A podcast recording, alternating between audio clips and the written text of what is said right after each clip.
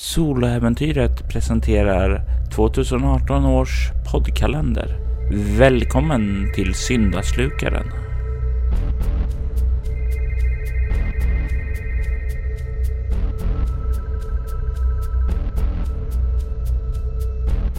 Hej!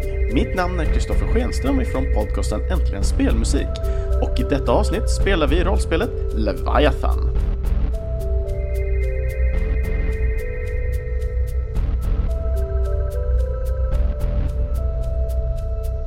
Jag tar rollen som silapiraten Demjan Isotorov, en ung rysk man som föddes in i detta skitliv av värdelösa maskar till föräldrar.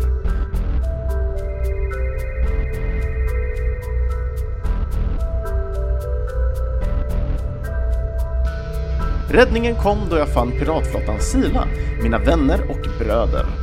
Tillsammans sprider vi skräck kring de svagare folken, de som inte förstår att vi ryssar är störst, bäst och starkast.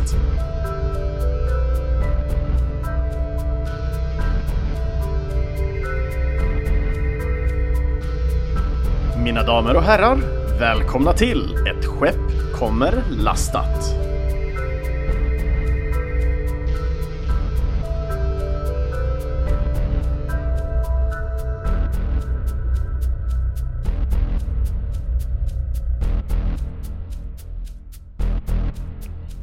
Den unge Dembian fick i uppdrag att leda sin första bordningsanfall ombord Drakar. Det är ett lastfartyg som skulle vara ganska vardagligt enligt kapten Rasputin.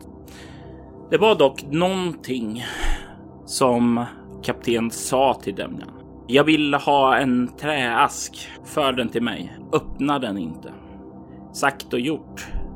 När den unge Demjan väl stormade skeppet och stormade in i rummet där han fann en stor rysk man. Så såg han den här asken och han gjorde sitt bästa för att ta den. Men det var en för stor utmaning för honom. Ryssen slet tag i honom och slungade honom i över rummet.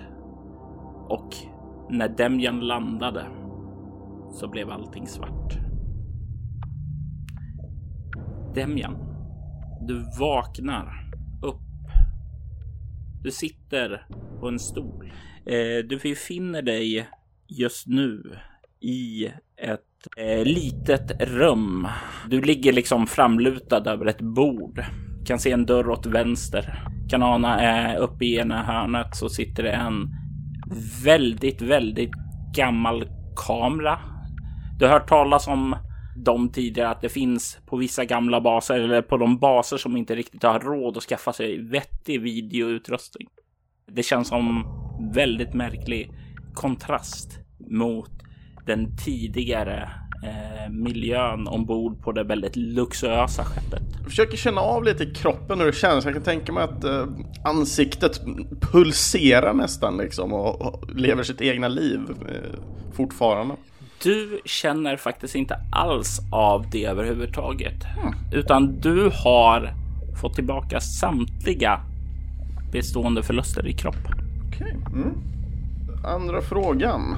Du sa att jag låg över bordet. Är jag fastsurad i bordet också? Nej, du är inte fastsurrad på något sätt. Okej, okay, så jag börjar resa mig upp då helt enkelt och så jag är lite skeptisk till det här, vad det är som faktiskt pågår här. Eh, så jag börjar vandra runt liksom. Mer, finns det någonting jag inte såg i liggande position på bordet när, när jag reser mig upp och tittar runt i rummet? Du vänder dig om och kan se hur någonting verkar skrivet på väggen bakom dig. Och det är ord som du inte kan läsa. Men jag vill att du slår ett ego lingvistik. Det här kommer inte gå så bra. uh, nej, jag slår en etta och jag har ego 1 och jag har ingenting i lingvistik, så 2.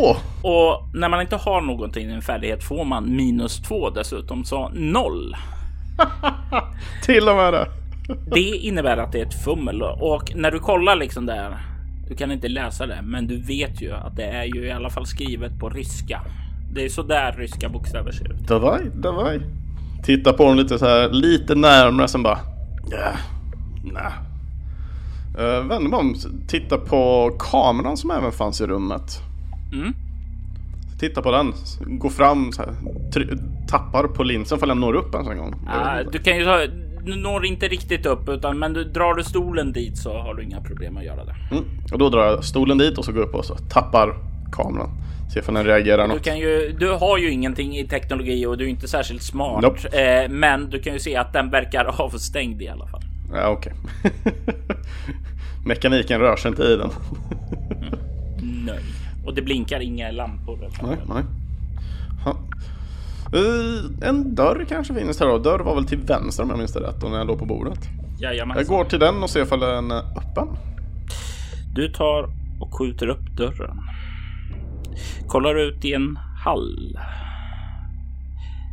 Du ser en dörr åt vänster. Du ser även en dörr åt höger. Du ser en dörr rakt fram också. Mm. Du befinner dig i en korridor. Det är ganska dämpad belysning här. Kan se några enstaka ljus komma genom dörrspringorna i rummet åt höger. Eh, annars så är det som jag tänkte så är lite lätt ledljus som lyser här. Mm. Eh, ser ut inte som någon vanlig byggnadsstruktur som du är van med. Hmm. Jag, jag, går över och känner ifall dörren på motsatt sida är öppen. Den som är mitt emot mig så att säga. Den är öppen. Och du kommer in i en, blickar ut i en korridor. Eh, du ser gången rakt fram och eh, du kan även se en dörr nästan eh, längst bort i rummet som leder åt höger. Mm. Övre delen är gjord så här i glas. Eh, inte så här glas som du ser rätt igenom utan liksom så här eh, faserat glas. Alltså så man kan ana ljussken komma därifrån. Mm. Men du kan också se att det verkar vara ett kors på den där dörren. Jag vill att du slår ego-okkultism eller ego-humaniora. Då ska vi se, okkultism har jag ingenting och humaniora. Vart hittar jag den? Motro. Sociala färdigheter. Ja, där nere. Ska vi se. Där, ja, då kör vi på humaniora där. Och det var... Det är ett teammässigt slag så du ska komma upp i fem. Mm. Ska vi se. Då börjar vi med en sexa då, då så redan är det klart. Och så humaniora 1 vilket ger 7 eh, och sen var det ego vill jag minnas att du sa. Mm. Så att 8. Du känner ju vagt till det där korset. Eh, det måste vara något sånt där religion som fanns innan du föddes. Du minns vagt dina föräldrar att de sa att det fanns något som kallades kristenhet, men det blev förbjudet långt tillbaka i tiden. Så det undvik det. Det är någonting som bubblar upp till sinnet när du ser det där korset. Hmm. Ja. Jag är lite intresserad fortfarande av korridoren som jag kom ut i först. Liksom att titta i de andra dörrarna innan jag fortsätter vad jag tror är längre in i komplexet här. Som mm. är. Så jag går tillbaka till föregående korridoren och sen går jag då till den högra dörren från därifrån. Du kommer ut i ett eh, lite större rum. Du kan se att eh, här finns en eh, dörr rakt fram som verkar leda vidare. Det finns en dörr till vänster, även det med en sån här glaserad del som har ett kors på sig. Det finns en korridor som leder vidare åt vänster borta vid dörren längst bort. Och sedan så finns det ett liknande sån här glaserad dörr åt höger också. Du kan se att det står någonting på det. Kan inte läsa det, men det är någonting med det som känns som att det skulle vara någon typ av ja, privat eh, kontor, någon bossgrej av något slag. Ja, jag är intresserad av att gå in där det är inte det är i alla fall inget kors på, på rutan. Undviker du korset eh, av något särskilt skäl? Är det för att dina föräldrar sa någonting om det eller? Eh, mer bara, ja, yeah, humbug typ. Så att eh, jag känner liksom att mm. jag kan ignorera de rummen för det finns ingenting för mig att hämta där inne. Du kommer fram till dörren och det är låst. Dörren skulle möjligtvis, möjligtvis kunna gå och knuffa. Uh, titta vidare i korridoren och se så att så här, är det några som kan höra några ljud liksom? Titta höger, vänster liksom. Du lägger märke till när du lyssnar att du hör inte ett ljud. Det är helt knalltyst där. Då sparkar jag på dörren nära låset eller handtaget. Slå ett kropp närstrid. Mm. En sexa, kropp på sju.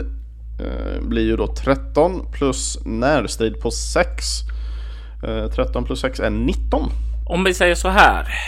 Hur vill du få upp dörren? Alltså det, räkna med att du kan göra vad du vill med dörren. Du får mm. ett perfekt slag. Yes. Uh, det, det jag basically gör är att jag liksom tar ta sats från andra sidan av, av, den här korridoren. Sen liksom springer jag fram och så liksom fram med högerfoten liksom rätt på uh, liksom dörren nära handtaget. Och jag får göra det här typ två, tre gånger liksom innan ramen egentligen till dörren ger sig liksom och trycks inåt då helt enkelt. I det här rummet. Och den viker sig med ett brak och liksom murbruk som dammar upp.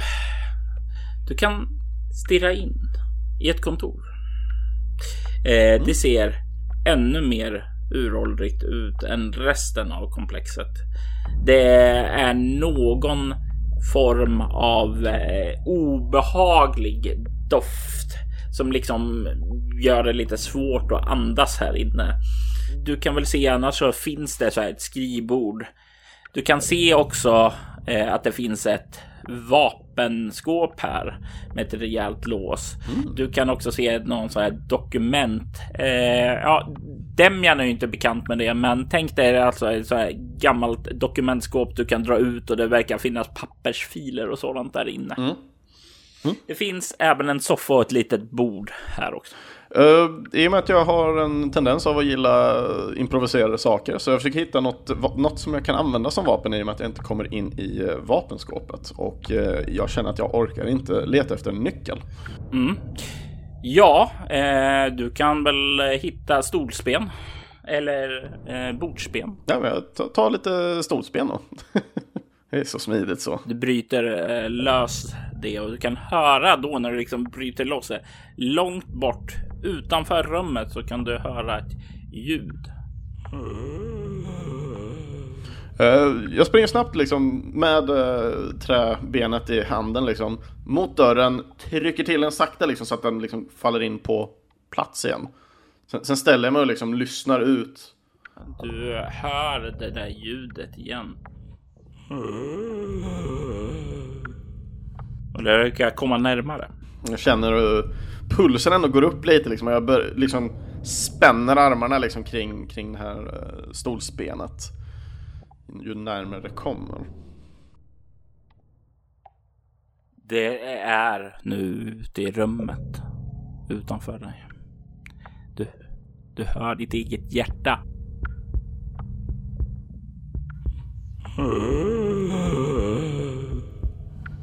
Titta runt i rummet lite snabbt så här.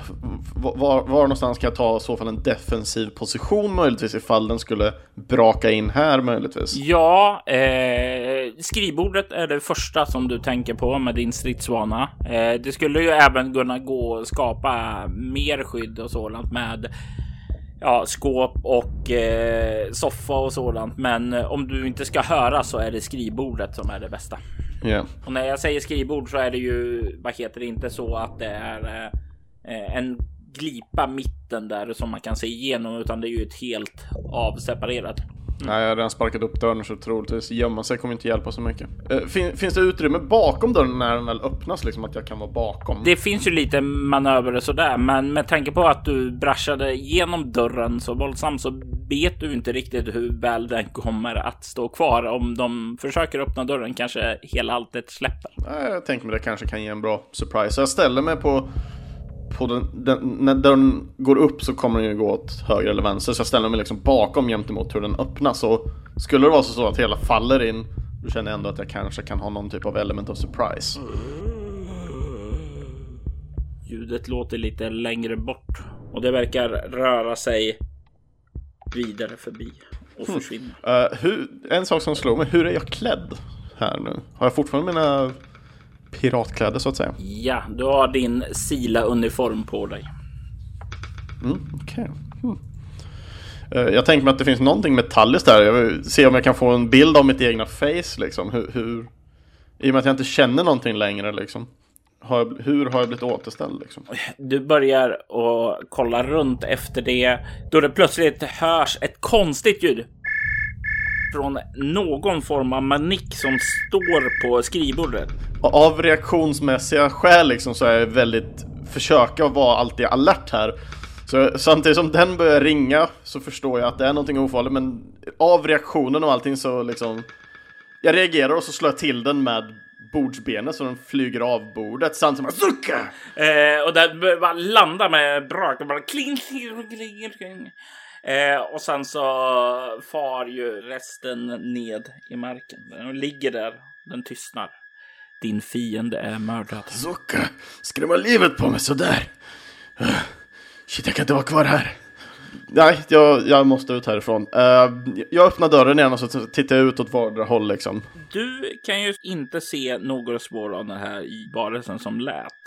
Men du kan se som sagt att den troligtvis rörde sig vidare i korridoren rakt framåt där. Mm. Det finns väg tillbaka, en dörr med ett kors på eller en dörr åt höger för dig. Dörren till höger då är jag intresserad av. Var det en sån som var glasad också eller? Nej, du kommer fram till den. Känner på den. Den är inte låst. Du kan skjuta upp den om du vill. Kan jag höra några röster när jag bara lägger örat till? Det är tyst. Det enda du hör är ljudet av ditt egna hjärtslag. Då öppnar jag dörren. Sakta. Och du kommer ut i vad som ser ut att påminna om ett mässrum. Det finns långa bord här. Du kan se det finns bänkar vid en del, stolar vid andra. Längst in verkar det finnas några... Vad är det det här kallas? Det är ju så kök, ja, kök. Inte någonting som du är direkt van vid, utan eh, du brukar ju alltid vara med de här näringsgasmaskinerna. Du har för dig dina föräldrar pratar om det som kök där mat tillagades som finns längst inåt höger i rummet. Du kan även se åt vänster. Det finns någonting. Det är stora glasytor som blickar ut mot inhägnade gräsområden. Och du kan se något väldigt, väldigt obehagligt där ute. Du kan se en himmel. Och du som är ett havsbarn Eh, har ju haft mördrömmar om det här att komma till ytan. Och du kan slå ett skräckslag mot eh, svårighetsgrad 10 med din utstrålning. Yes, uh, och i detta fallet så är det ingen specialisering eller någonting så det blir en tärning där. Uh, slå en 4 plus utstrålning på 6 vilket ger 10. Du får inga skräcknivåer, men det är, det är liksom du ser det där. Du befinner dig på ytan. Hur eh, känns det? Direkt där så bara jag fryser till is liten, en liten, liten stund där och jag, jag kan höra varenda hjärtslag som jag, som jag liksom som, jag, som, som kommer och det känns som en längre tid emot vad det faktiskt är. Till slut så börjar jag känna liksom när jag väl återkommer till verkligheten trots att jag ändå varit där hela tiden, i några sekunder bara. Så känner jag liksom hur jag får en så stark känsla att jag måste härifrån. Att jag, jag, jag, jag får en liten panikkänsla och springer ut ur mässan. Eh, tillbaka där du kommer ifrån eller? Yes. Eh, och till och med att jag liksom fortsätter till och med i korridoren springandes liksom in till nästa korridor som var den första korridoren mm. jag kom ut till och så stänger jag liksom dörren efter mig där. Och då, då känner jag att jag äntligen kan börja andas ut någonting åtminstone. Så hela vägen dit så hyper... liksom, väldigt hyperventilerande bort liksom. Du är iväg från det hemska synen. Du befinner dig nästan tillbaka där du började nu. Eh, kan inte höra ljudet och du kan definitivt inte se skyn. Vad fan är det jag... Vad fan är det som pågår? Jag måste ut härifrån, jag måste ner i vattnet. Jag beger mig liksom åt något av hållen nu. Det var väl till vänster jag inte hade varit om jag minns rätt nu då.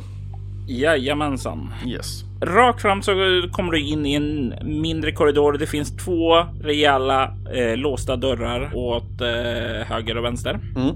Och sen finns det en dörr rakt fram, eh, ganska rejäl sådan. Kan ju också se att det finns ja, lås och sådant där, men du står ju vid insidan där det går att låsa upp. Okej, då är jag intresserad av att ta mig dit. Man vet ju aldrig om man har den turen idag. Och du kan öppna dörren om det är det du vill. Jag, jag, jag går dit bara. Inget chip, inget chip, inget chip. Mantrat för dagen. Yes, så jag går fram och öppnar dörren helt enkelt. Du hör det mardrömslika ljudet av regn som smattrar ned mot eh, den stenlagda marken utanför.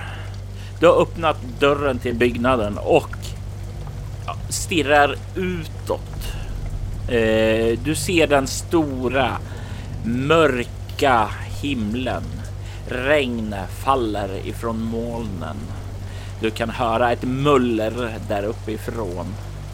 Du kan se att du står på baksidan av en eh, stenbyggnad och du kan ju se att ja, när du kollar utåt så här på baksidan så kan du se att du befinner dig på toppen av vad som verkar vara en ö och runt omkring så kan du se ett hav bre ut sig.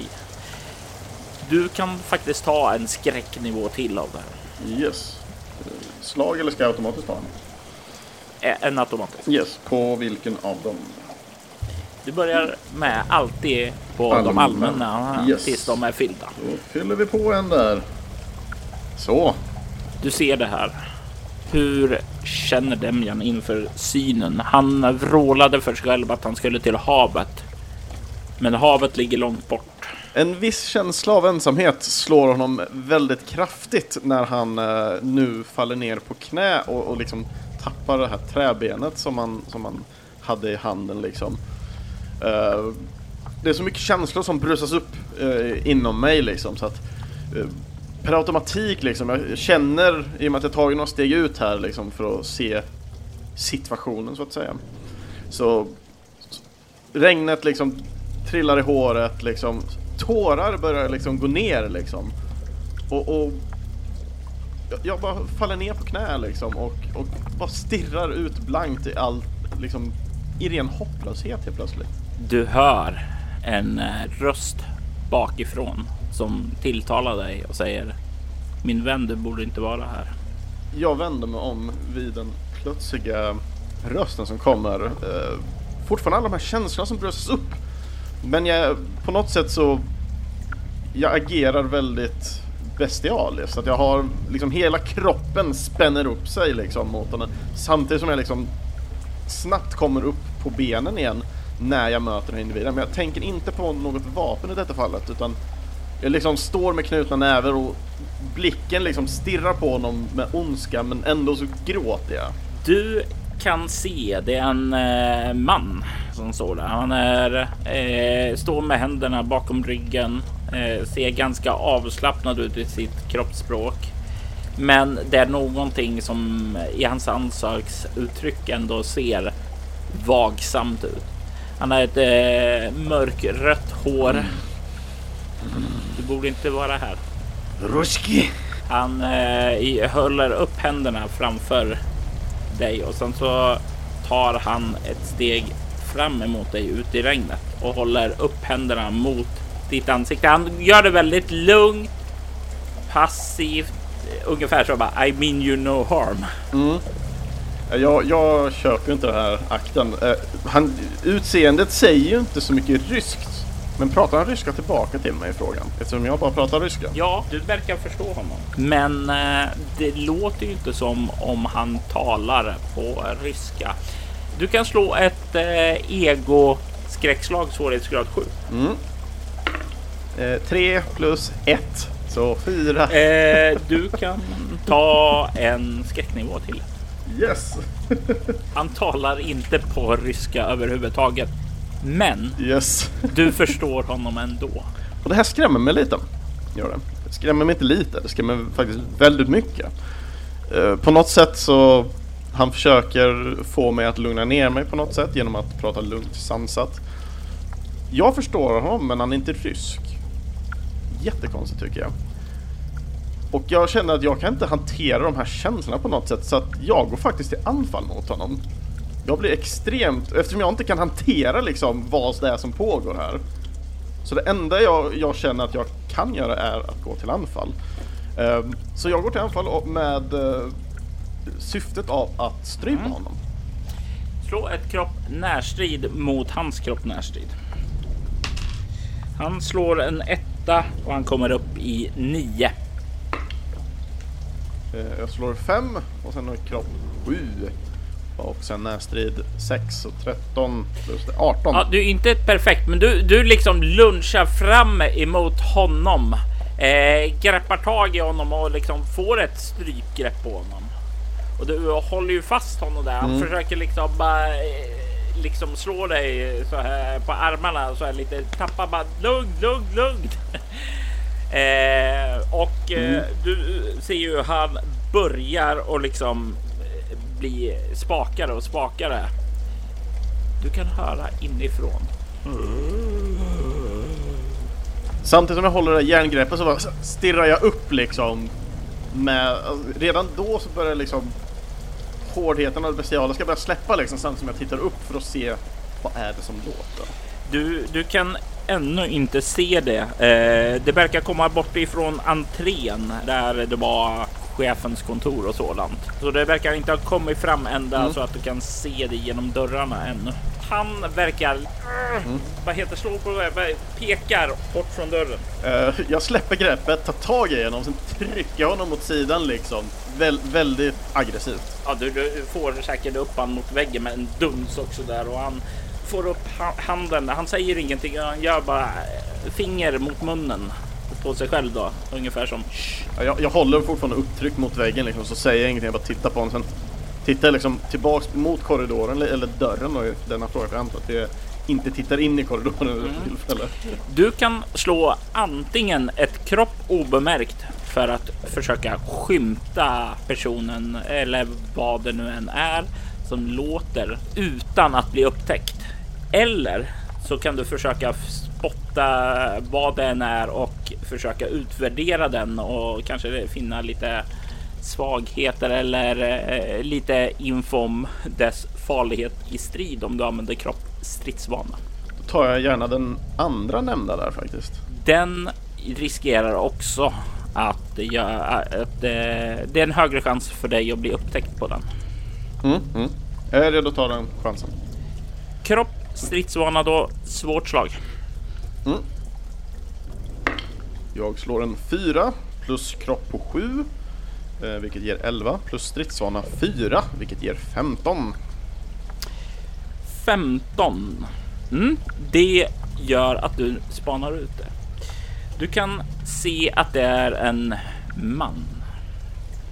Mannen är klädd i ja, ganska ganska enkel fängelseuniform. Enfärgad sådan. Jag har en rakad gässa, har ett latinamerikanskt utseende. Har några tatueringar. Och eh, ljudet kommer ifrån honom när han andas in. Och de här inandningarna sker inte reguljärt utan de kommer lite då och då. Eh, du kan ju se också att han verkar röra sig ganska sakta fram. Det är liksom som om han går nästan i en halvdvala, som om han inte är fullt vaken ännu. Eh, du, du, får en känsla av att det här är en varelse som har varit i slummer under lång, lång eh, tid. Det är inte en människa. Det må se ut som en människa, men du får en känsla av att det här är inte en människa. Det rör sig på ett sätt som inte är mänskligt. Den rör sig nästan lite hackigt och kroppsspråket är obehagligt av att se på. Du får en känsla av också att den här varelsen, du kan se att den har R och sådant efter attacker. Eh, grova attacker. Eh, kan se säkert också att det har någon sån här över halsen, nästan som om någon har halshuggit honom. Men det verkar inte ha påverkat honom så du får en känsla av att vad det där än är så är det farligare än det ser ut. Jag börjar andas mer. Det är lite panikandningen liksom. Jag vet inte riktigt så här. Jag har en person i näven nu, håller honom med järngrepp. Jag har en annan person som jag inte ens vet vad det är, men han ser dangerous ut. Du kan se den där står där och verkar vrida huvudet lite. Söker efter någonting innan den viker av in emot eh, en av korsdörrarna och försvinner. Uh, note to self, gå aldrig in i korsdörrarna alltså. That's where they sleep. Okej, okay, säger han lugnt. Eh, om vi stänger dörren så kan vi tala. Eh, du, du ska inte vara här min vän. Uh, jag säger ingenting. Jag bara kastar iväg dem liksom mot dörren aggressivt. Ja. Titta på honom. Du kan ju se att han, han verkar ändå eh, relativt snabbt få eh, balans där. Så det blir ju kommer. Eh, han faller väl inte riktigt omkull på marken och reser utan stapplar väl en bit bort innan han får balansen där och sedan så går han fram de sista stegen till dörren och skjuter försiktigt igen. Den. Mm. Okej, eh, vi rör oss nedåt lite här. Jag har en liten safe haven där han inte kan hitta oss. Sen så börjar han röra sig ner för en liten trappa. Yes, jag följer faktiskt tyst med. Du hör regnet liksom smattra mot dig. En väldigt, väldigt märklig känsla när här att det faller ned över dig. Okej, du har varit kanske med om sprinklers och sådant tidigare, men mm. det här är annorlunda. Det här känns ändå annorlunda tänker jag. Uh, och jag känner för varje droppe som ändå faller liksom på grund av min, min rädsla för det här så känns varje som en nål träffar kroppen hela tiden. Mm. Det känns obehagligt. Extremt obehagligt. Men ni kommer snart fram till eh, ja, vad som ser ut att vara en uh, ståldörr. Tänk dig en sån ganska rejäl uh, skyddsrumsdörr nästan. Uh, som han går fram och tar fram en nyckel, låser upp och sen så öppnar och tar ett steg in undan från regnet och trycker på en ljusknapp och du kan se en trappa som leder nedåt. Han gör en gest åt dig att kliva ner. Jag, jag väntar inte ens på det, jag börjar gå. och han är på väg att göra det. jag, ska, jag ska bort från regnet liksom. Du, och han okej, okay. ja ja. Eh, och stänger dörren bakom dig. Eh, du kommer ned i ett, ja, ett skyddsrum. Det finns eh, ett rum med eh, diverse konserver och sådant. Det finns en, säng. Det finns ett eh, enklare bord. Du kan se att det ligger några böcker på den, sådana här anteckningsböcker och du kan se också att det eh, finns någon eh, tallrik och något enklare. Ja, det är väl en sån här konstig maskin som låter igen. Är den mekanisk i frågan? Vad har du i mekanik? Eh, fyra.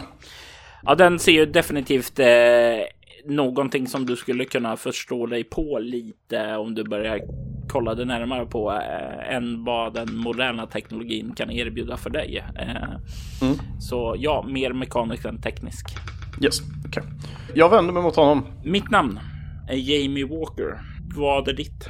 Jag vet inte, du verkar inte särskilt talför, men det borde trevligt att ha ett namn på dig. Demian. Demian. Demian. Jag beklagar att du är här Demjan. Var inte mina vänner? Jag vet inte. Eh, jag gissar på att eh, de är där du lämnade dem. Jag lämnade dem aldrig. Det var de, det var jag som blev bortförd. Senaste jag minns är hur jag var på ett skepp och utförde mitt uppdrag. Nästa stund jag vaknar, jag vaknar här. Ja, du kan se han skruva på sig lite där. Kolla lite på dig.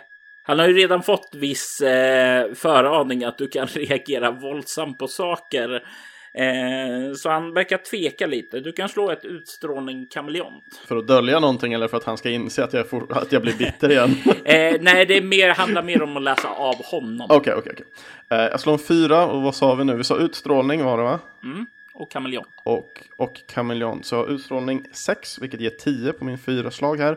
Eh, och sen kameleont 1, så 11. Du får en känsla av att han eh, verkar osäker på hur han ska berätta sanningen för dig. Eh, för han är rädd att du ska reagera våldsamt. Och bara det gör att jag reagerar våldsamt. Så jag, jag går snabbt upp mot honom. Tar tag igen i, i jag antar att han har en rock. Ja, Av någon anledning. Det varför. kan han ha. Så jag tar tag i liksom rocken och trycker åt liksom, samtidigt som jag vrider upp den liksom mot hans haka liksom. Berätta för mig nu! Släpp ner mig så ska jag berätta. Släpp ner mig. Jag håller fortfarande liksom, stirrar honom i ögonen. Berätta! Och han stirrar tillbaka.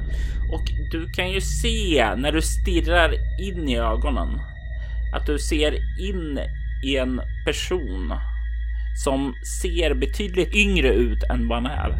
För du kan se något så här.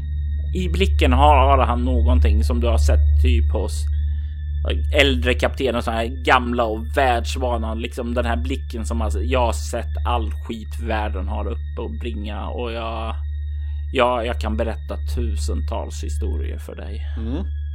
Och det är den blicken som den här unga mannen. Ja, han är ju, ser ut att vara några år äldre än dig. Men i ögonen så ser han betydligt mycket äldre ut än vad hans utseende ge- ger sken av. Eh, ja, ja, jag, jag släpper honom. Ja. Vem är du egentligen? Berätta! Som sagt var, säger han och eh, kliver bort emot en hylla och eh, börjar ta ner några konserver. Mitt namn är Jamie Walker. Eh, jag offrade mitt liv för att komma hit. Han håller fram en, eh, upp en burk med eh, bönor och frågar hungrig. Är jag hungrig? Jag antar det. Jag vet inte hur länge sedan det var så jag antar att jag kan vara hungrig. Mm. Men uh, bönor ser väl inte ut som mat för mig. jag har kör, kört väldigt mycket näringsgas. Jag bara, kan du ge mig riktig mat istället? Mm, säger han och eh, stänger ner. Och sen så går han bort eh, till ett kylskåp och verkar plocka ut någonting och lägga upp dem på en bänk där som finns längst in och börjar ja, ta fram vad eh, ingredienser för att börja sätta igång och laga mat samtidigt som han bör, fortsätter att tala. Okej. Som jag sa, jag offrade mitt liv för att vara här. Du har troligtvis inte rört dig någonstans. Jag skulle gissa att du ligger där du blev utslagen. Vad pratar du om? Jag är ju här! Jag ser ju vart jag är! Du befinner dig i drömmarna just nu, min vän. Jag gissar på eftersom du är här att eh, du var i närheten av en träask med ett mönster ovanpå. Blomma. Det är mitt hem. Så jag är en trälåda? Är du det du försöker säga mig? Jag säger trälådan eh, omfamnar platsen vi är på nu. Ja, Jag börjar så här, titta runt här i bunkern vi är i. Take it literally. du kan ju höra att han eh, börjar eh, hacka upp någonting av sina råvaror där borta mot en skärbräda medan han eh, låter dig betrakta omgivningen. Jag vet inte vad du håller på med här. Förklarar saker omfamnar en och drömmar svärd säger du. Mm. Och så sitter du, var, var har du gasen? Gas, säger han och, och han ser uppriktigt förbryllad ut när du säger det. Maten! Du vet hur vi äter. Det här det är bara för såna fähundar mat. Okej, mat, va, ga, va? Ursäkta? Vart är du ifrån? Jag eh, kommer från eh, Amerika. USA. Okej. Är du en sån där som inte kan ta egna beslut och sånt då? En sån fähund? Han, han verkar liksom så här bara okej. jag vet inte riktigt vad han menar här, men jag vill inte ha stryk igen. Jag vet att eh, kärleken mellan eh, USA och eh, Ryssland kanske inte är så stor, men eh, jag har ingenting emot Ryssland. Men du ser inte så stark ut så. Nej, mina krafter har eh, blivit svagare sedan jag hamnade här i fängelset. Annat var det innan. Men du placerade dig här frivilligt. Jag offrade mitt liv för att stänga in varelsen där du ser där uppe. Hans namn är Ramon Araya. Han är besatt av ett väsen som kallas för syndaslukaren. Syndaslukaren föder på människors eh, synder, deras högfärd, deras mm, svagheter. Hmm. Det är en sak som har förbryllat mig. Hur du verkar vara den enda här som vet någonting.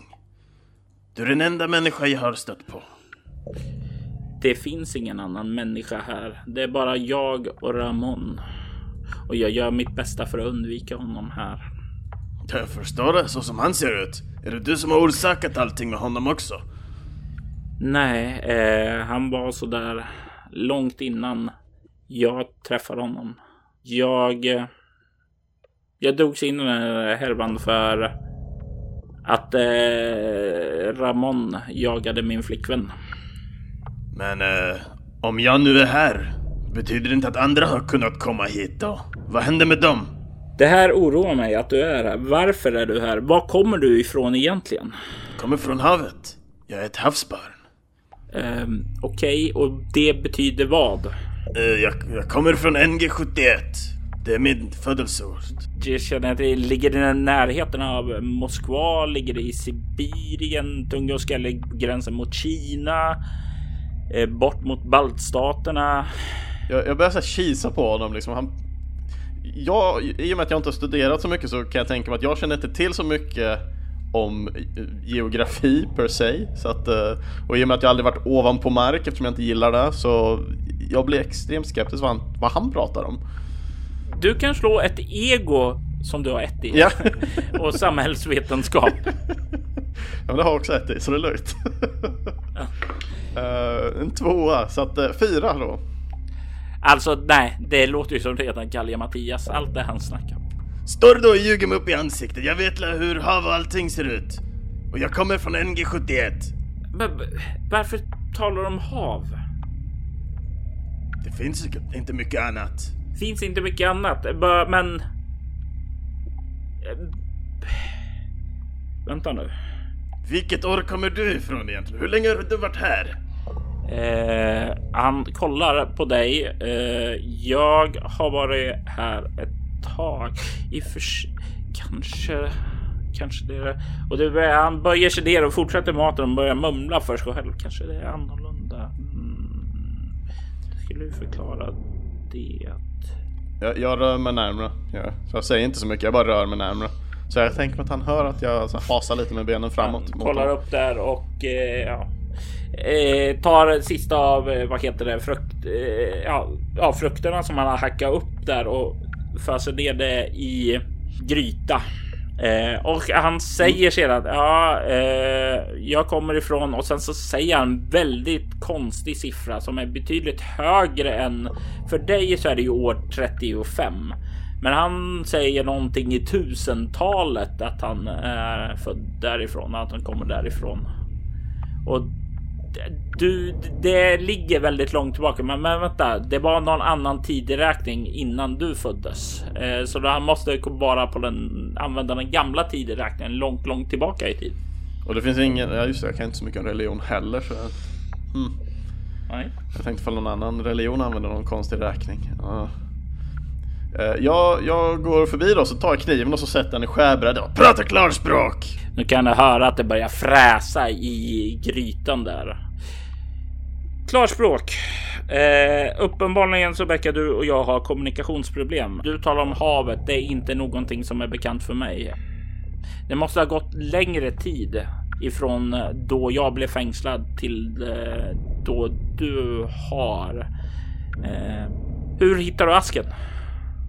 Jag träffade, det var, var på ett eh, fartyg som jag bordade. Okej, okay. vem hade den? En stor man, jag tror han var rysk. Han kunde slåss, det var ganska imponerande faktiskt. Fan, fan, fan. Det betyder att hon inte har asken längre. Hon, eller i och för sig om det har gått så länge så måste hon... Hon kanske är död nu. Hur många vet om asken? Ja, asken var det. När jag offrade mitt liv så var asken ny. Och då var det bara två personer kvar som kände till den. Min eh, flickvän och eh, eh, vår, eh, ja, vår Oneironaut bekanta. Oneiro vadå? Drömseglare. Drömmagiker. Någon som kontrollerar drömmar. Kan de ha gjort det här? Du säger ju själv att vi är i en dröm. I en låda. Vi befinner oss i en, den här asken som skapades för att hålla syndaslukaren fängslad tillsammans ja, med Ramon och mig då. Men eh, det verkar som om det är något fel på asken om du är här, att du har dragits in i den av något skäl. Jag oroar mig för att det ska vara möjligt för honom att... Du öppnade inte asken förresten? Mm, nej, inte vad jag vet. Jag försökte komma åt den, men... Uh, nej. Jag var nära. Men inte så nära. Jag fick uh, exakta... Uh, ska vi säga jag fick exakt beskrivning om att jag inte skulle öppna lådan. Ja, bra. För öppnar du lådan så kommer Ramon och syndaslukaren att ta sig ut. Det förklarar varför den inte fick förstöras heller. Ja, förstör den inte för guds skull. Ja, man vet aldrig vad som händer när man bor där någon, du vet. Borde? Va? Ja. Vi fick ett uppdrag, vi skulle hämta den. Eh, va, vadå, är ni någon slags pirater eller? Dödsilla pirater, ja. Oh god. Eh. Och så börjar jag le liksom stolt. och han tar sig för pannan. Åh, åh, det här är. Okej, okay. eh, ja, så ni försökte plundra ett skepp. Ja. Jag, jag kan väcka dig eh, härifrån. Ta dig tillbaka där du var. Eh, mm -hmm. Men eh,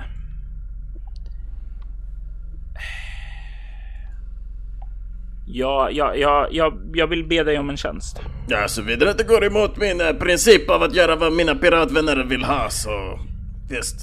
Asken får inte öppnas. Asken får eh, inte missbrukas av någon annan. Eh, öppnas den så är det en mardröm. Syndaslukaren kommer att föda på andra synder. Det kommer växa sig starkare. Den kommer att ta kontroll över människor. Det kommer vara likt en bidrottning som eh, styr andra som sina marionetter. Det får inte ske. Eh, Finn ett sätt att eh, hålla den här asken gömd.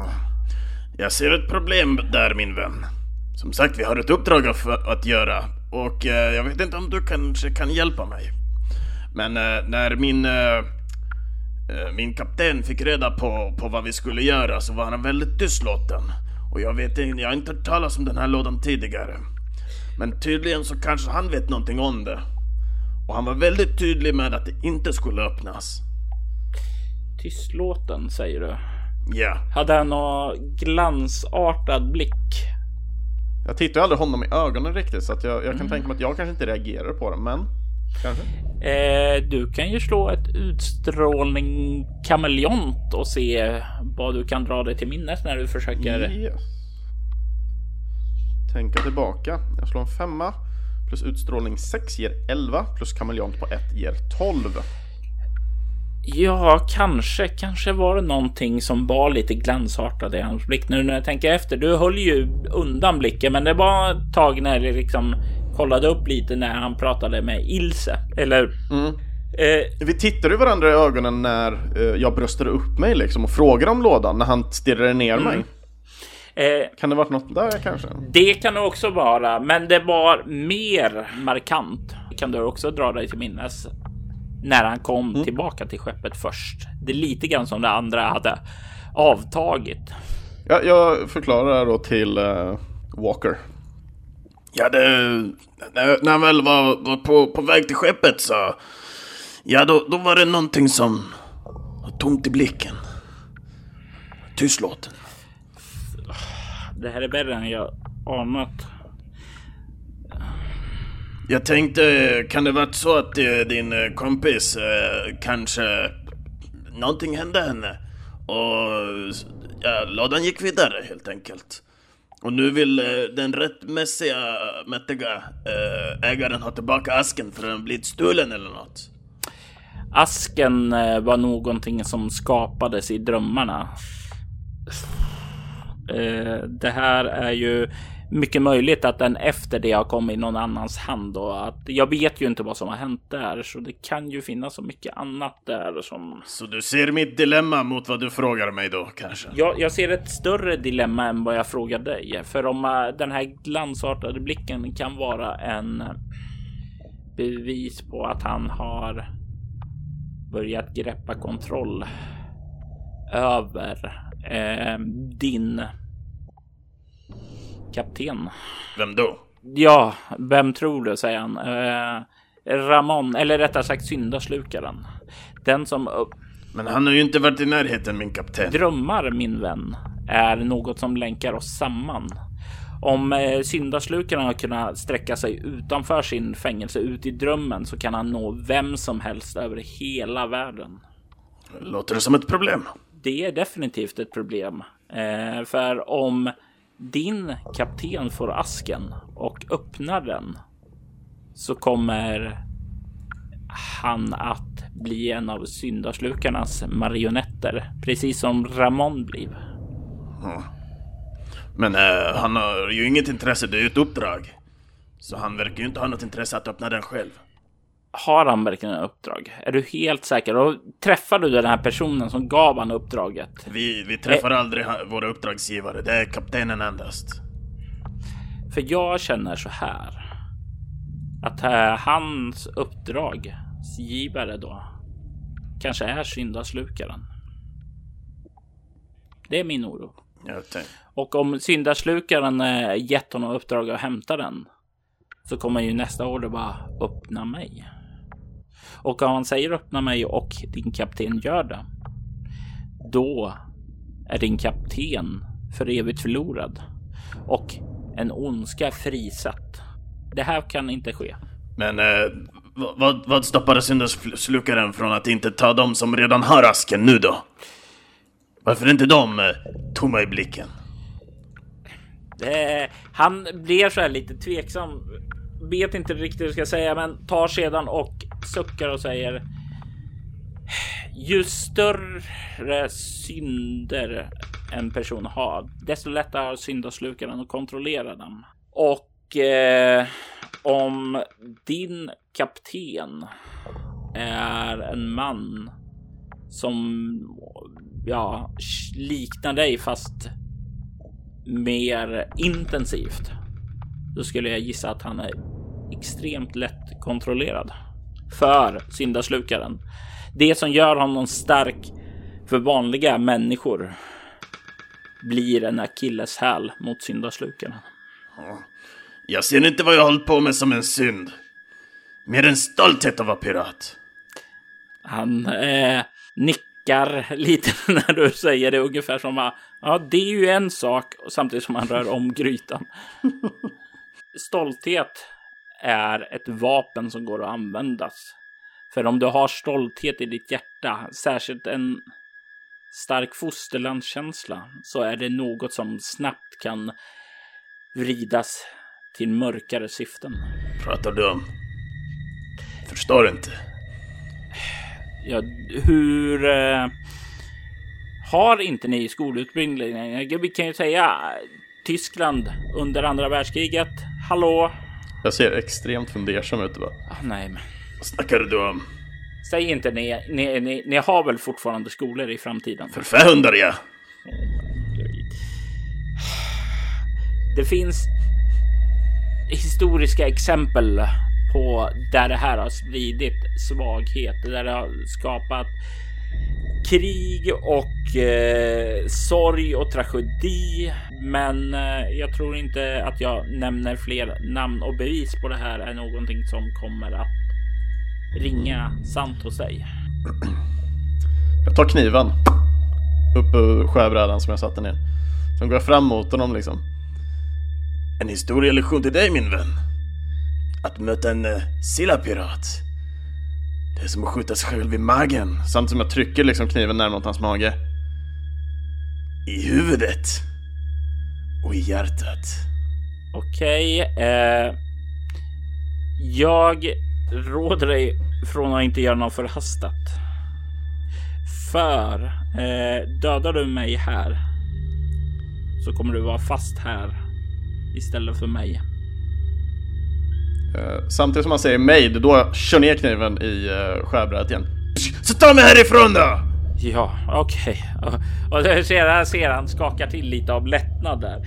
Eh, även om han inte verkar vara en person som är lättskrämd så är det någon med ditt, i hans ögon, irrationella sätt eh, förmågan att sakna ja, brist till sunt förnuft och logiskt resonemang eh, som inte riktigt eh, gör att han är bekväm med dig.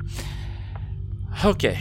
Okay. Eh, absolut, absolut. Eh, jag ska bara göra klart maten först så väcker jag dig sen. Fortsätter bara kalla det här mat. Vart är gasen? Samtidigt som jag så här, vänder mig om och går iväg. och du känner dock snart en sprids en ganska behaglig doft och du känner hur det kurrar till i magen. Och det måste vara, vara så här det känns för de rika som äter. Kulinariska upplevelserna som inte du haft råd att fått ha tidigare. Och du ser hur han tar fram skålar häller upp mat. Du vet inte vad det är, men eh, Chris, du känner igen ordet köttgryta. Yes. eh, som han liksom tar fram och serverar eh, med skedar och sen sätter sig vid bordet. Varsågod. Jag har ju ätit någon typ av go tidigare vill jag minnas. Mm. Så att eh, fortfarande så jag sätter mig ner och tittar ner på, på den här vätskan liksom och så bitar som flyter runt i den liksom. Så tittar jag på honom och så ser hur han äter den ja, liksom. Och för jag menar, du, du, alltså vatten förstår jag ju liksom. Jag har ju ändå druckit vodka liksom. Så det, det kan ju börja sörpla liksom. Mm. Men what the hell med det andra liksom. Och du ser att han verkar tugga och ha sig där konstigt. Eh, du har sett det andra, men det är ju först nu du verkar förstå hur det går till. Jag börjar, jag börjar sleva lite, lite av den här eh, vattnet i liksom grytan. Och det smakar fantastiskt och du har aldrig känt något liknande. Eh, det är så många smaker som virvlar upp i ditt eh, sinne och i din mun. Det är liksom det är mind blown. Du kan få tillbaka en skräcknivå. Jag börjar äta snabbare och snabbare liksom, ju, ju mer liksom jag börjar bli kväm med det. Men jag drick, liksom, när, jag, när jag säger att jag äter så mm. dricker jag nästan mer. så jag undviker typ de här stora köttbitarna, mm. bit, i det liksom. Och det till en början liksom. Sen, sen så här blir det så här, någonting följer med liksom, så börjar jag liksom svälja den. Okej, okay. den där kommer med lite i farten, ja. Men någonting hände där, så då, då börjar man liksom gå vidare och så testa de andra grejerna liksom. Att, hur smakar det här liksom? Det smakar så gott. Tuggar ingenting heller gör jag inte, utan jag, jag sväljer allting så här hull och hår liksom. till en början. Och det, ibland så blir det så här obehagligt det nästan fastnar i halsen och du får sitta. Han kollar lite på dig bara okej, okay, that's new. Eh. Jag tänker mig så som när fåglar äter fisk, liksom, typ pelikaner och sånt. Lite så ser jag ut, så, här, så jag sträcker upp huvudet och försöker få, liksom, få ner födan. Och det, det går ned i dig och du känner till slut och det känns så behagligt. Och det, det är liksom då som den här eh, jag har tänkt som när jag äter något riktigt, riktigt rejält och du blir så här dåsig av det och nästan så här bara att du sipprar. Eh, det enda du vill är ju bara liksom bara lägga dig ner och sova. Ja, jag lutar mig tillbaka, liksom, sätter ner skeden i, i skålen och sen lutar mig bakåt och så bara tittar upp i taket. Bara, inte dåligt för en färhund alltså. Du ser det liksom lampan ovanför dig liksom eh, gunga så här lite lätt fram och tillbaka och det är nästan hypnotiskt när du stirrar på den. Och du börjar driva in i sömnen. Och det sista du hör ifrån Jamie är Öppna inte lådan. Låt ingen få den. Det är en fara för världen. Du vaknar sakta upp. Du känner att du ligger på marken i det rum du nyss var i. Men du vaknar av ett ryck när det plötsligt kränger till skeppet där och du hör hur båtens eh, skrov liksom gnisslar av ett obehagligt ljud. Du har hört det tidigare. Det är när skeppet har varit nere på ett ganska djupt eh, havsdjup och du känner hur liksom trycket då är på väg att förstöra skeppet. Uh, jag, jag, tittar snabbt omkring mig. Jag, an, jag antar att jag är tillbaka där det hela börjar. Jajamensan, du ligger där i rummet. Du kan inte se något spår av den här ryska mannen eh, som eh, slog dig medvetslös. Men du kan se Ilse mm. eh, och eh, den andra Brucern bara eh, utslagna yes. Här i rummet. Jag, jag, tar vapnet från Brucern och sen springer jag liksom bort mot Ilse. Liksom. Ilse, Ilse, vakna! och du kan se hon sätter sig upp och försöker säga någonting, men det kommer inga ord ur strupen och du kan se då att Ja, ett stort skoavtryck rätt över halsen och hennes struphuvud verkade definitivt eh, ha blivit eh, ja, rätt så illa skadat. Yes. Uh, jag, jag, hjälper till att lyfta upp henne liksom och så ta en arm om henne liksom. Hon är mycket mer viktig än, än de andra. Uh, mm. sa samtidigt så... Det gnisslar till igen. Ännu värre den här gången. Ni är på väg nedåt. Yes, vi är på väg utåt också. så snabbt som möjligt. Och, du, uh, och jag, jag, går liksom med uh, vapnet liksom riktat liksom. Jag, jag kommer inte ihåg han hade, för vi tog ju med oss de här uh, Sonic-bössan, den som var crowd control-aktig. Jag gissar på att det är den kanske som, som här Brucen hade på sig. Absolut. Yes. Uh, så jag tänker att den hänger i någon slags vapenrem, så jag har liksom vapenremmen runt liksom, så går jag omkring som någon slags här Rambo liksom, att vapenremmen håller upp liksom, så går jag omkring och siktar åt olika håll samtidigt som jag stödjer upp Ilse på väg.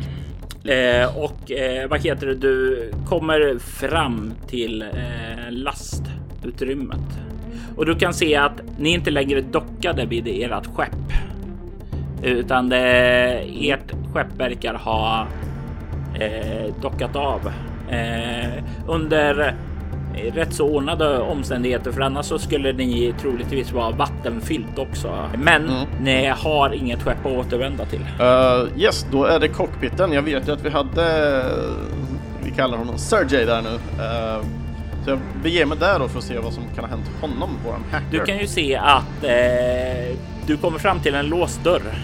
Kan inte se din uh, Sergej någonstans. Vart kan han ha gått? Den är fortfarande stängd antar jag. För den har RDF-chipslås mm. vill jag minnas. Eh, men när du kommer liksom närmare med Ilse eh, så vuschar den till och glider upp. Okej, okay, jag blir väldigt chockerad över det här. Why, why did this work? Du kan se inne i cockpiten så ligger Sergej. Han verkar ha, hur ska vi säga det på ett fint sätt, eh, fått sitt ansikte intryckt av ett flertal hårda knytnävsslag så att järnsubstansen har liksom spridit sig ut över instrumentpanelen. Åh, jävla fähund! Du ser att ni är på väg ned mot 4500 meter och det är ungefär vad som är det rekommenderade eh, maxdjupet eh, för en Chelonian Shuttle. Mm innan den riskerar att implodera. Yes. Uh, vi ska se ifall jag har någonsin testat köra en sån här någon gång. eh, Chelonian Shuttle är extremt lättmanövrerad och du får, du får plus på slaget där. Yes. Eh, vad har du i fordon? Uh, ska vi se, fordon? Inget, så jag har aldrig kört. eh, Ilse gör en eh, gest åt dig och eh, bakåt. Eh, öga bakåt och sen så sätter hon sig vid pilot. Okej, okay, så ja, jag ställer mig vid dörren med vapnet. Eh, kanske finns det någon stark position att ta så man kan sikta hela tiden mot dörren liksom ifall eh, Mr. Russian Wall kommer. Ja, och du tar upp och håller span och du kan se hur, känna hur liksom sakta, sakta så börjar skeppet att räta upp sig. Det tar lite för lång tid och du kan känna hur det brister och rör där borta i las, lastutrymmet och det pyser där utifrån. Eh, du kan höra också att det verkar som om det spricker någonstans i de här rummen åt eh, sidan där ni kom ifrån och det börjar, eh, ja, troligtvis börjar det låta som att pisa någonting där utifrån. Ja, jag blir ju lite orolig som liksom mekaniker lite, eller lärande meka upplärande mekaniker från eh, ett liknande skepp så börjar jag bli lite orolig för skeppet också. Men jag har ju ändå liksom en väldigt stark position jag måste hålla i detta tillfälle för jag vill ju inte att någonting ska ske eh, Ilse eftersom hon är en väldigt viktig individ för oss. Mm. Och du håller där och eh, snart så kommer hon uppåt. Så det här ljuden ifrån de andra utrymmena har blivit värre. Och det är som om, om skeppet är eh, sårat. Det är ovar sig av smärta. Och Ilse gör en eh, gest åt dig. Eh, jag eh, autopilot eh, och sedan så reser hon sig upp och gör en gest åt dig att ut. Så fort hon kommer i närheten av mig så börjar jag liksom strategiskt vandra utåt liksom och ha henne nära vid min sida. Ja, och ni... Och jag går med rest vapen hela tiden liksom, siktandes. Mm. Ni tar er vidare och börjar avsöka skeppet för att se vad ni har här i övrigt. Jag tänker mig att någon typ av flyktskyttel kanske finns. Och i så fall är den använd, för det är min gissning att den är. Det, det brukar ju inte vara något vanligt på en Chelonian Shuttle att det finns, utan det brukar i sånt fall vara extra utrymme. Eh, Okej. Okay. Så det är ju främst på större skepp som det brukar finnas. Eh, du kan ju slå ett ego stridsvana.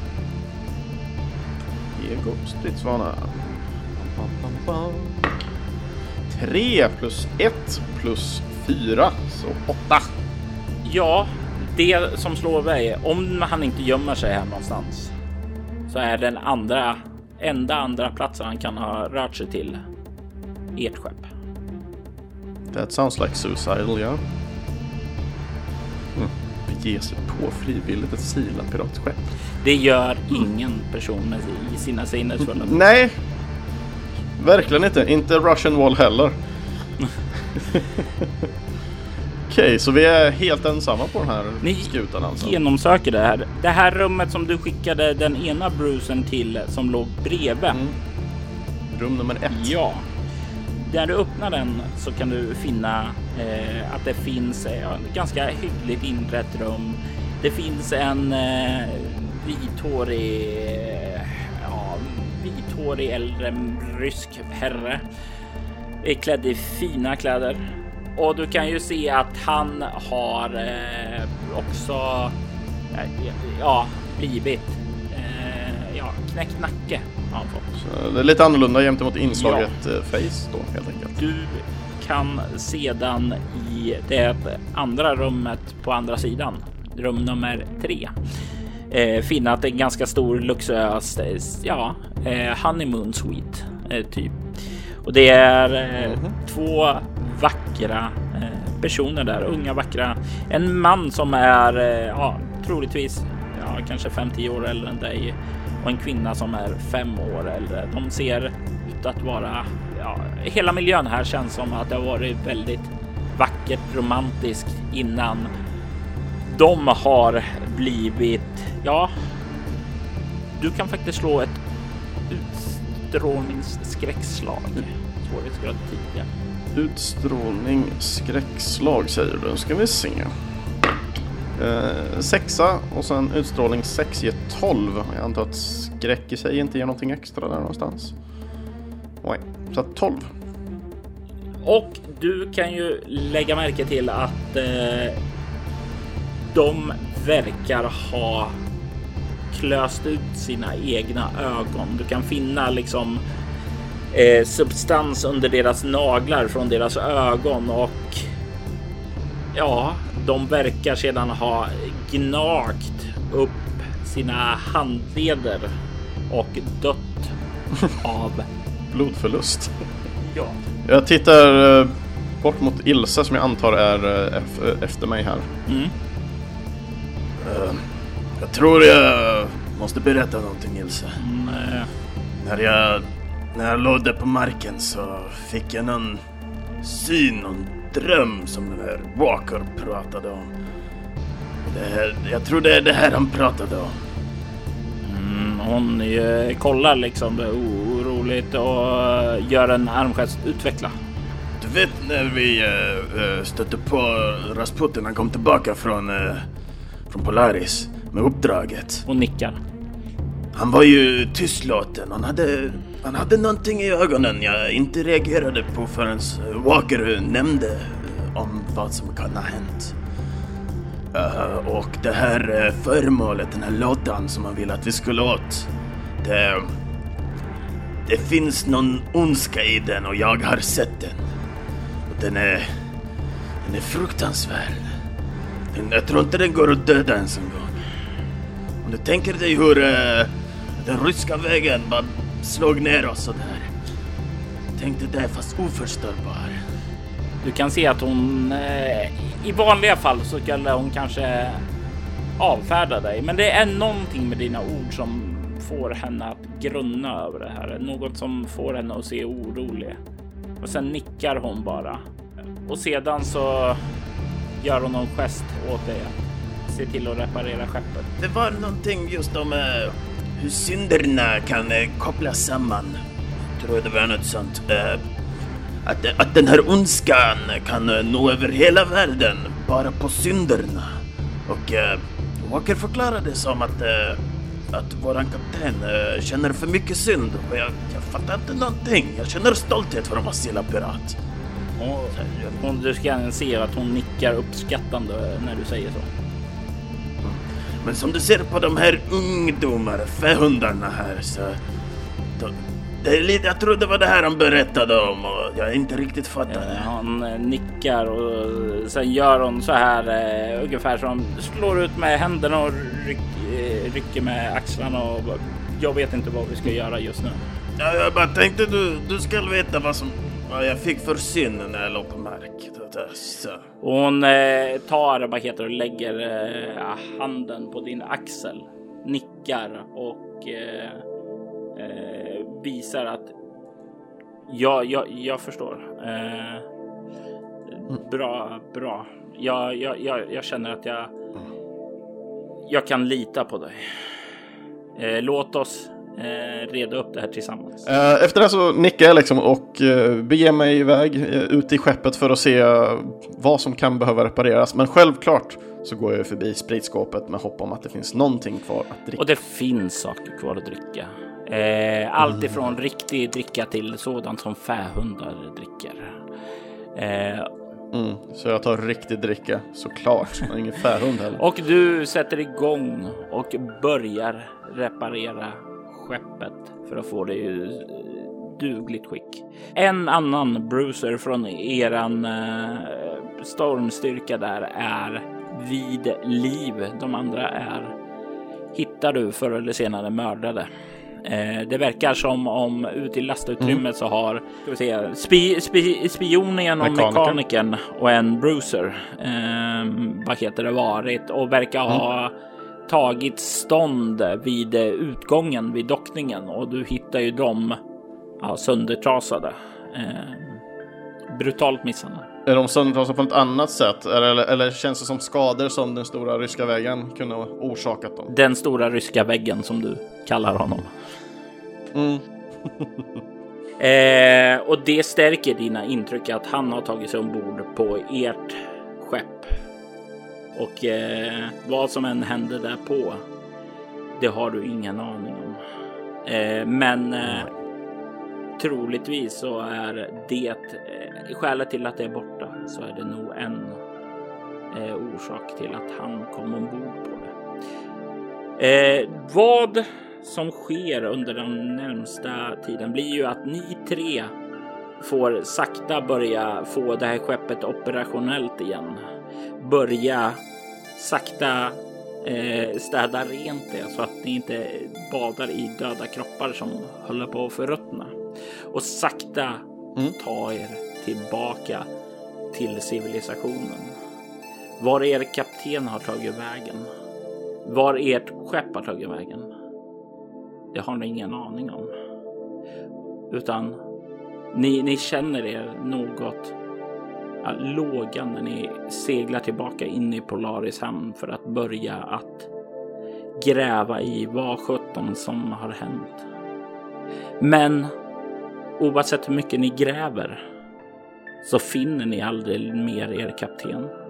Han är som uppslukad av havets mörka djup. Men om det är en sak som man kan lära sig av det här så är det att även den yngsta Sila-pirat kan överleva de mest fantastiska faror.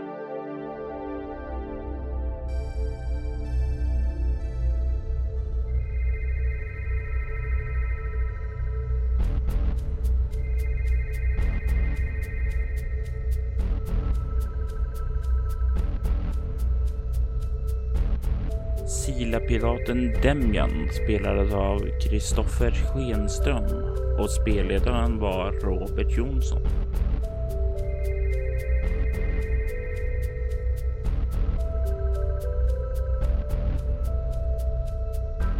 Musiken i detta avsnitt var gjord av Andreas Lundström, Abstract Assassinator och Jon Lahtinen. Syndaslukarens vignett skapades av Andreas Lundström.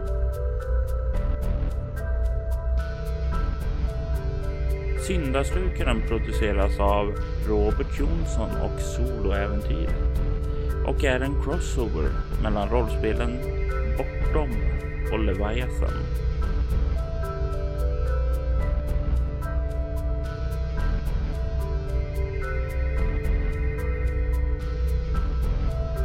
Soloäventyret finner du på iTunes, Bortom.nu och Facebook.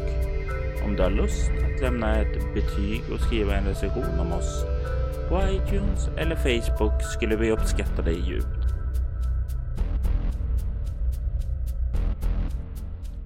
Tack för att du har lyssnat.